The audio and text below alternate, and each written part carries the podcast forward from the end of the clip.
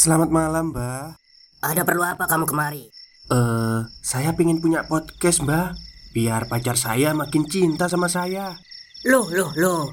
Mau bikin podcast kok tanya dukun? Sekarang kamu download aplikasi Anchor.fm. Di situ kamu bisa buat podcast gratis dan podcast kamu bisa didistribusikan ke platform mana pun. Dan di aplikasi atau website Anchor.fm juga terdapat fitur-fitur yang memudahkan kamu untuk membuat podcast. Oh, gitu ya, Mbak. Kalau gitu, saya boleh minta password wifi-nya, Mbak. Buat apa? Buat download Anchor.fm, Mbak. Letaknya tidak jauh dari lift dan lorong kamar lain. Setelah tiga hari dia pindah ke kamar 107 Lagi-lagi Dia merasakan keanehan Selepas pulang kerja dan masuk ke kamar Khususnya di kasur tercium bau bangkai Sampai Ferdi merasakan mual karenanya. Ferdi memutuskan untuk menelpon resepsionis Dengan maksud meminta ganti spray dan pengharum. Duh, itu baru diganti loh pak siang tadi oleh kami. Coba sebentar kami cek ulang ya. Jawaban itu membuat Ferdi menghela nafas panjang. Aduh, ada apa lagi sih ini? Tidak lama kemudian datang petugas hotel dan berucap Heran ya pak. Tadi siang baru saya ganti. Dan itu baru dari laundry hotel. Gak mungkin loh kalau sekarang udah bau pak Ferdi menjawab. Kurang kering mungkin waktu jemur Jadi bau demek. Setelah menggantikan spray Petugas hotel itu pamit Lalu Ferdi mencoba untuk sholat maghrib Tetapi Ketika dia akan sholat Ferdi melihat seperti ada bayangan wanita berambut panjang Dengan gaun berwarna putih melayang ke arah kamar mandi. Ferdi tidak mempedulikan sosok kuntilanak itu hingga keanehan kembali muncul ketika tepat pukul dua malam. Ferdi terbangun dan tidak bisa tidur. Dia mencoba untuk membuka jendela kamar hotel.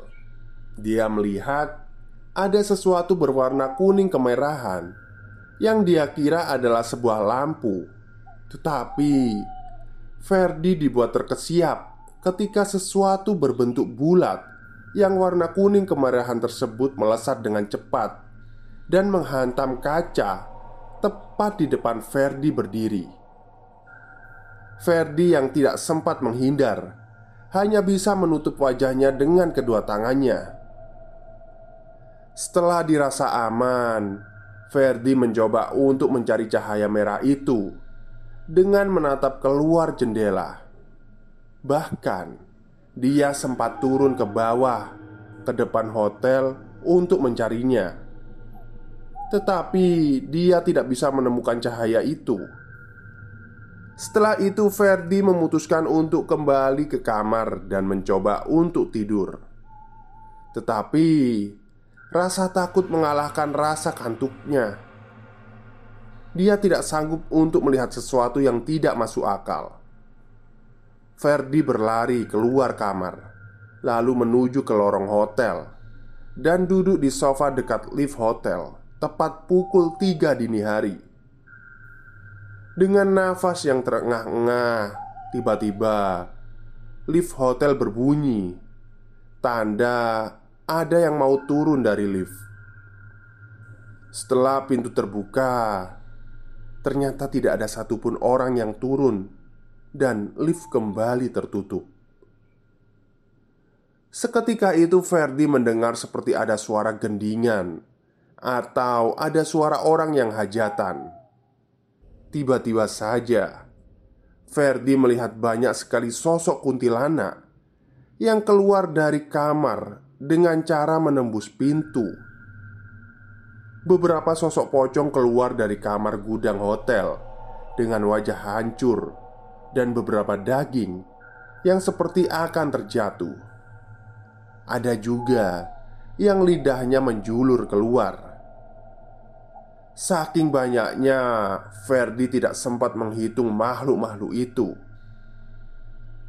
Kedua mata Ferdi terbelalak ketika sosok-sosok mengerikan itu melayang ke arahnya. Ferdi yang ketakutan mencoba berlari menghindari makhluk-makhluk itu. Dia menaiki lift ke lantai lima, lalu naik tangga hingga dia tidak sadar bahwa dia sudah berada di lantai enam, atau lebih tepatnya di atap hotel. Ferdi terus berdiri di tepian tembok atap hotel, lalu kembali berlari ke tepian atap hotel lainnya. Dia duduk sesaat untuk menetralkan detak jantungnya. Setelahnya, kembali berlari. Dia melakukan semua itu di antara sadar dan tidak sadar, karena yang dia pikirkan adalah hanya bagaimana caranya dia menghindari dari kejaran para makhluk yang mengganggunya itu.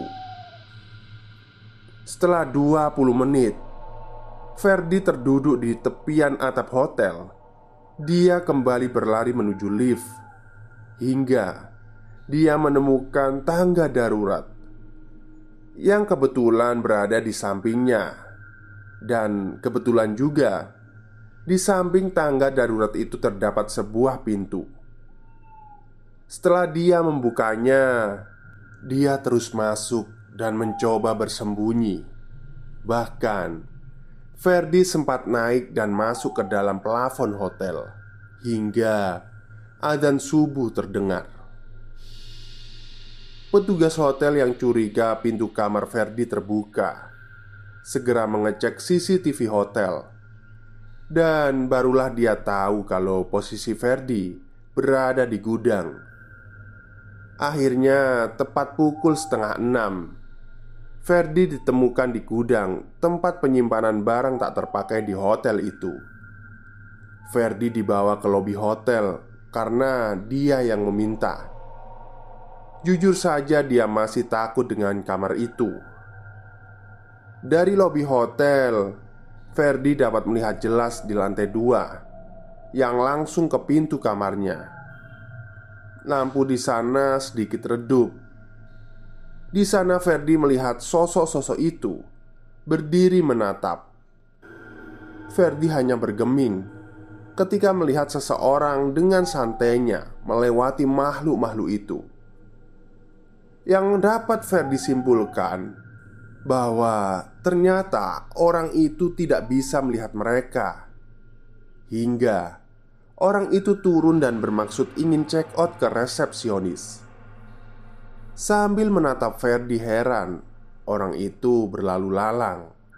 Kemudian, Ferdi menghampiri resepsionis dan menceritakan tentang apa saja yang dia alami.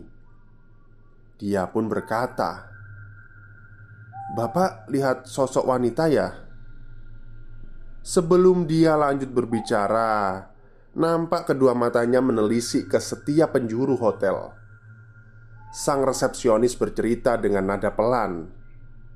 Dulu, di hotel ini dikelola oleh Pak Alex, anaknya Pak Doni. Dia itu merupakan anak semata wayang. Rupanya di kamar 107 yang sekarang Ferdi tempati Itu pernah ada yang bunuh diri di sana. Dan rupanya itu adalah istri dari Pak Alex sendiri. Awalnya mereka tinggal di kamar nomor 302 Tetapi karena kecelakaan pesawat Dan Pak Alex dinyatakan meninggal karena pesawatnya tidak bisa ditemukan karena dia istrinya itu tidak mau teringat akan suaminya Akhirnya istri Pak Alex ini meminta pindah ke kamar nomor 107 Namun Sebulan kemudian istri Pak Alex ditemukan meninggal gantung diri di kamar itu. Tetapi Kejadian teror tersebut semakin menjadi Ferdi yang melihat sosok mereka ketakutan dan memutuskan untuk bersembunyi di bawah meja resepsionis. Dia melihat semua makhluk itu berada di lantai bawah. Ferdi berlari menuju restoran hotel, bermaksud untuk bersembunyi. Tetapi dia malah melihat sosok-sosok itu keluar dari lorong dapur. Ferdi mencoba memberanikan diri untuk mendekati makhluk itu ke lorong restoran. Tetapi seketika itu juga makhluk-makhluk itu menghilang. Tepat pukul 10 pagi, Ferdi mencoba untuk menghubungi Lydia. Halo, Lid. Gue bisa minta tolong gak? Jemput gue sekarang di hotel Gak usah banyak nanya please Cepet tolongin gue Gue diteror sama makhluk itu Bahkan Mereka hampir aja bunuh gue. Ah oke oke oke. Sebentar gue ke sana ya sekarang Jawab Lydia. Tepat pukul 11 Lydia datang dengan mobilnya. Melihat itu Ferdi langsung naik bermaksud untuk menghindari makhluk-makhluk di hotel itu. Tanpa mandi dan baju masih kotor karena semalam diteror dan berlari ke sana kemari, ke atap hotel, ke gudang, bahkan sampai ke plafon-plafon hotel yang sempit. Lydia membawa Ferdi ke daerah Kapus karena menurutnya Ferdi harus menyeberangi Sungai Kapuas melalui jembatan besar agar makhluk-makhluk itu berhenti mengikuti Ferdi. Setelah melewati jembatan itu, barulah Ferdi dapat bernafas lega. Diceritakannya apa yang dia alami kepada Lydia. Namun, seketika itu Ferdi melihat sosok lain seperti anak kecil memakai pampers putih dengan wajah hancur, duduk di kursi belakang mobil dan kuntilanak menggendong anaknya yang menangis. Ferdi terkejut ketika melihat makhluk itu yang mematahkan leher anaknya yang menangis itu, dan seketika anaknya diam dan bersenandung kembali. Setelah minum ke air kelapa muda, Ferdi meminta Lydia untuk menghentikan mobilnya di sisi jalan karena dia merasa sesak Lydia yang bingung hanya berteriak memanggil Ferdi dari dalam mobilnya Tetapi Tidak dihiraukan oleh Ferdi Ferdi terus berlari Hingga menemukan sebuah gereja. Dia mencoba masuk Dan minta pertolongan kepada petugas keamanan gereja itu. Pak, saya boleh pinjam handphonenya pak Untuk telepon ke kantor? Mengingat handphonenya yang saat itu dijadikan benda lemparan ke arah makhluk-makhluk yang berada di hotel Ferdi sekarang tidak punya handphone. Setelah mendapatkan izin Ferdi langsung mencoba menghubungi kantor pusat yang ada di Jakarta Tapi tidak ada respon Akhirnya Ferdi memutuskan untuk pamit dari gereja Dan berlari keluar menuju ke arah jalan raya di sana dia mencoba mencari pertolongan pada setiap orang yang dia lewati untuk mengantarkannya ke bandara.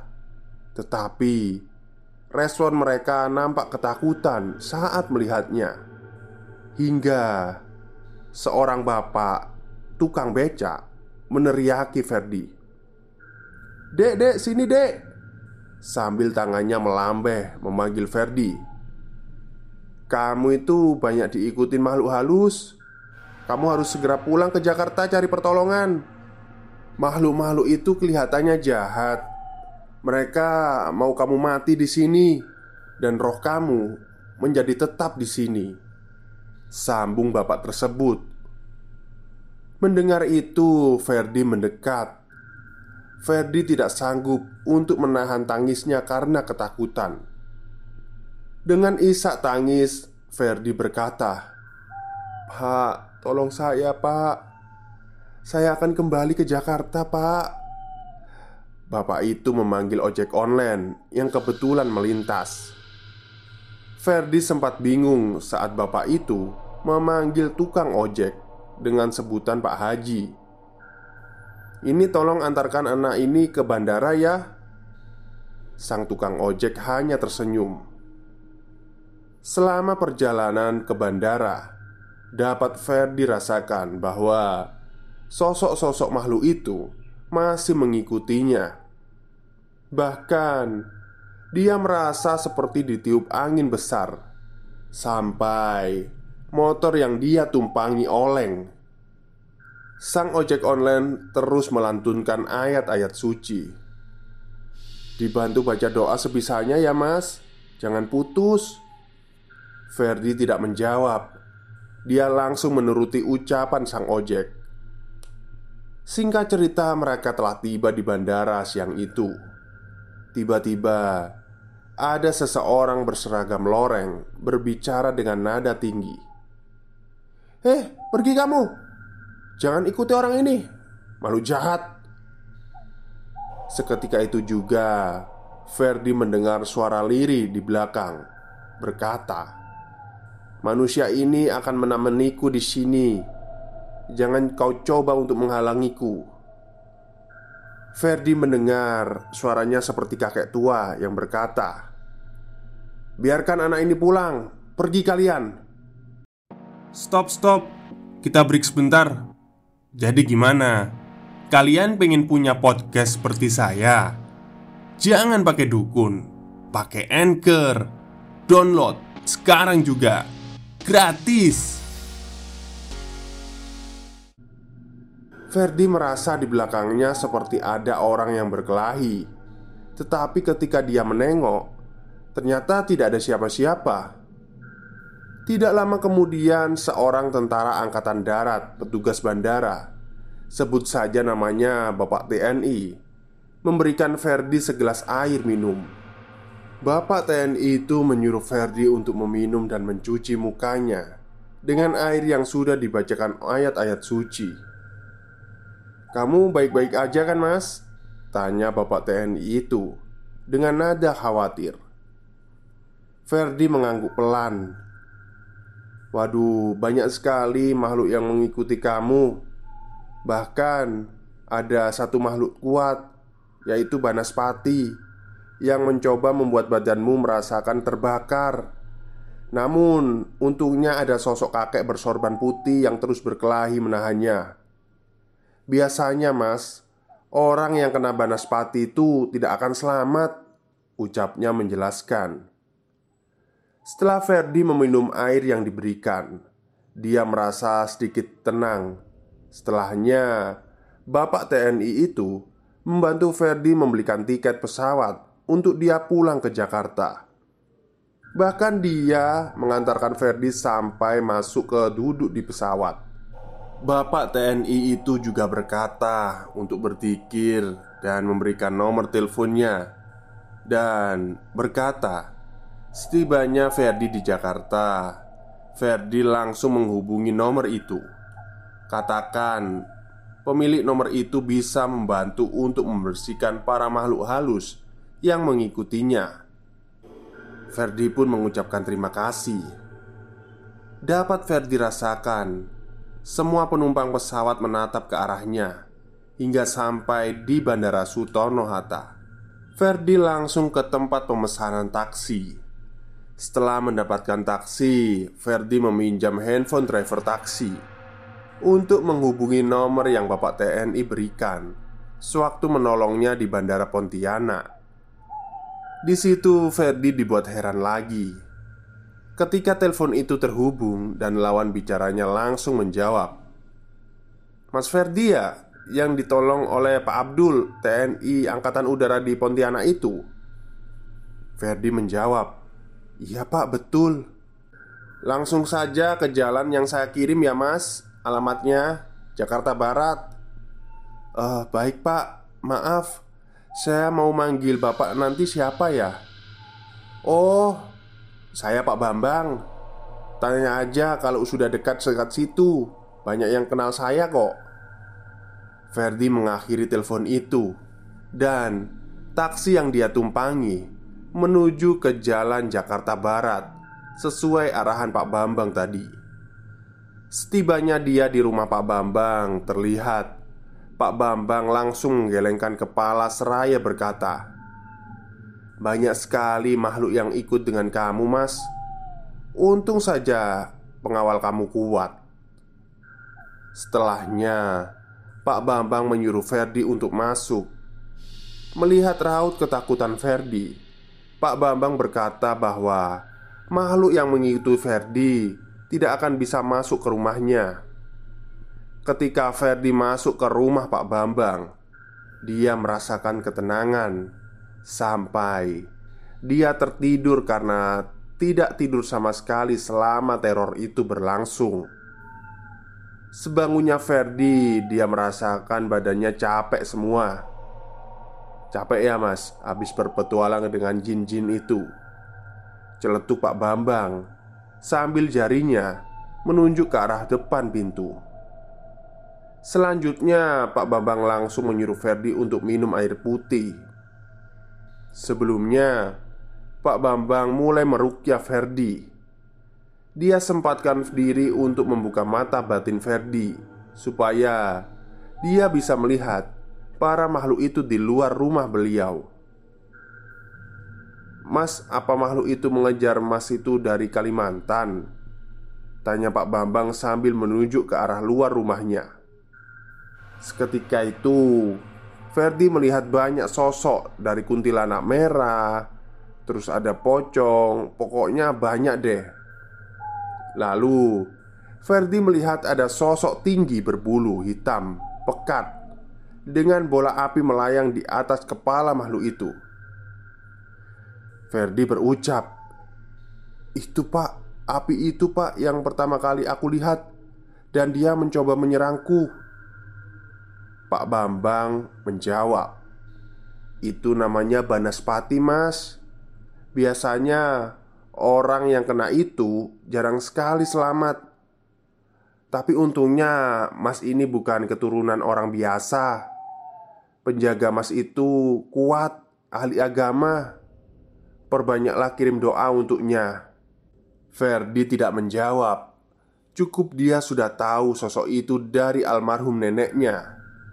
Katanya sih, leluhur kakeknya itu berasal dari kerajaan Cirebon dan sekaligus beliau itu salah satu tokoh penyiar agama di kota itu. Selama proses rukia, Ferdi tak sadarkan diri. Dia hanya merasa jika dia saat itu berada di lorong panjang dan gelap. Dia terus berjalan menuju setitik cahaya putih di depannya. Dan seketika itu, dia berada di ruangan yang putih berkilau dan bertemu dengan sosok kakek bersurban putih, lengkap dengan penutup kepala, ya seperti Wali Songo. Setelahnya, dia langsung sadar dan berada di rumah Pak Bambang yang sedang mengucapkan "Alhamdulillah". Alhamdulillah, Mas sudah bertemu dengan leluhurnya Mas. Salam ya Mas dari saya, ucap Pak Bambang. Ambillah hal positif dari kejadian ini Ferdi yang bertamu lupa mengucapkan salam kepada makhluk tak kasat mata yang berada di hotel itu. Mungkin karena dia sangat excited dengan tugas kerja atau lelah atau berjuta pikiran yang dia pikirkan sejak awal keberangkatan, sehingga dia lupa untuk mengucapkan salam. Sekian sepenggal cerita dari pengalaman Ferdi. Terima kasih dan salam literasi. Baik, itulah akhir cerita dari Mas Ferdi yang ditulis oleh Rama Atmaja. Jadi, gimana ya kelanjutannya? Apakah Mas Ferdi ini dipecat dari kantornya? Oh, enggak lah. Ya, mungkin aja bisa alasan itu ya ya alasan diganggu itu jadi pihak eh, kantor itu kantor pusat yang ada di Jakarta bisa memaklumi. Oke, mungkin itu saja cerita dari saya pada malam hari ini. Kurang lebihnya saya mohon maaf. Wassalamualaikum warahmatullahi wabarakatuh.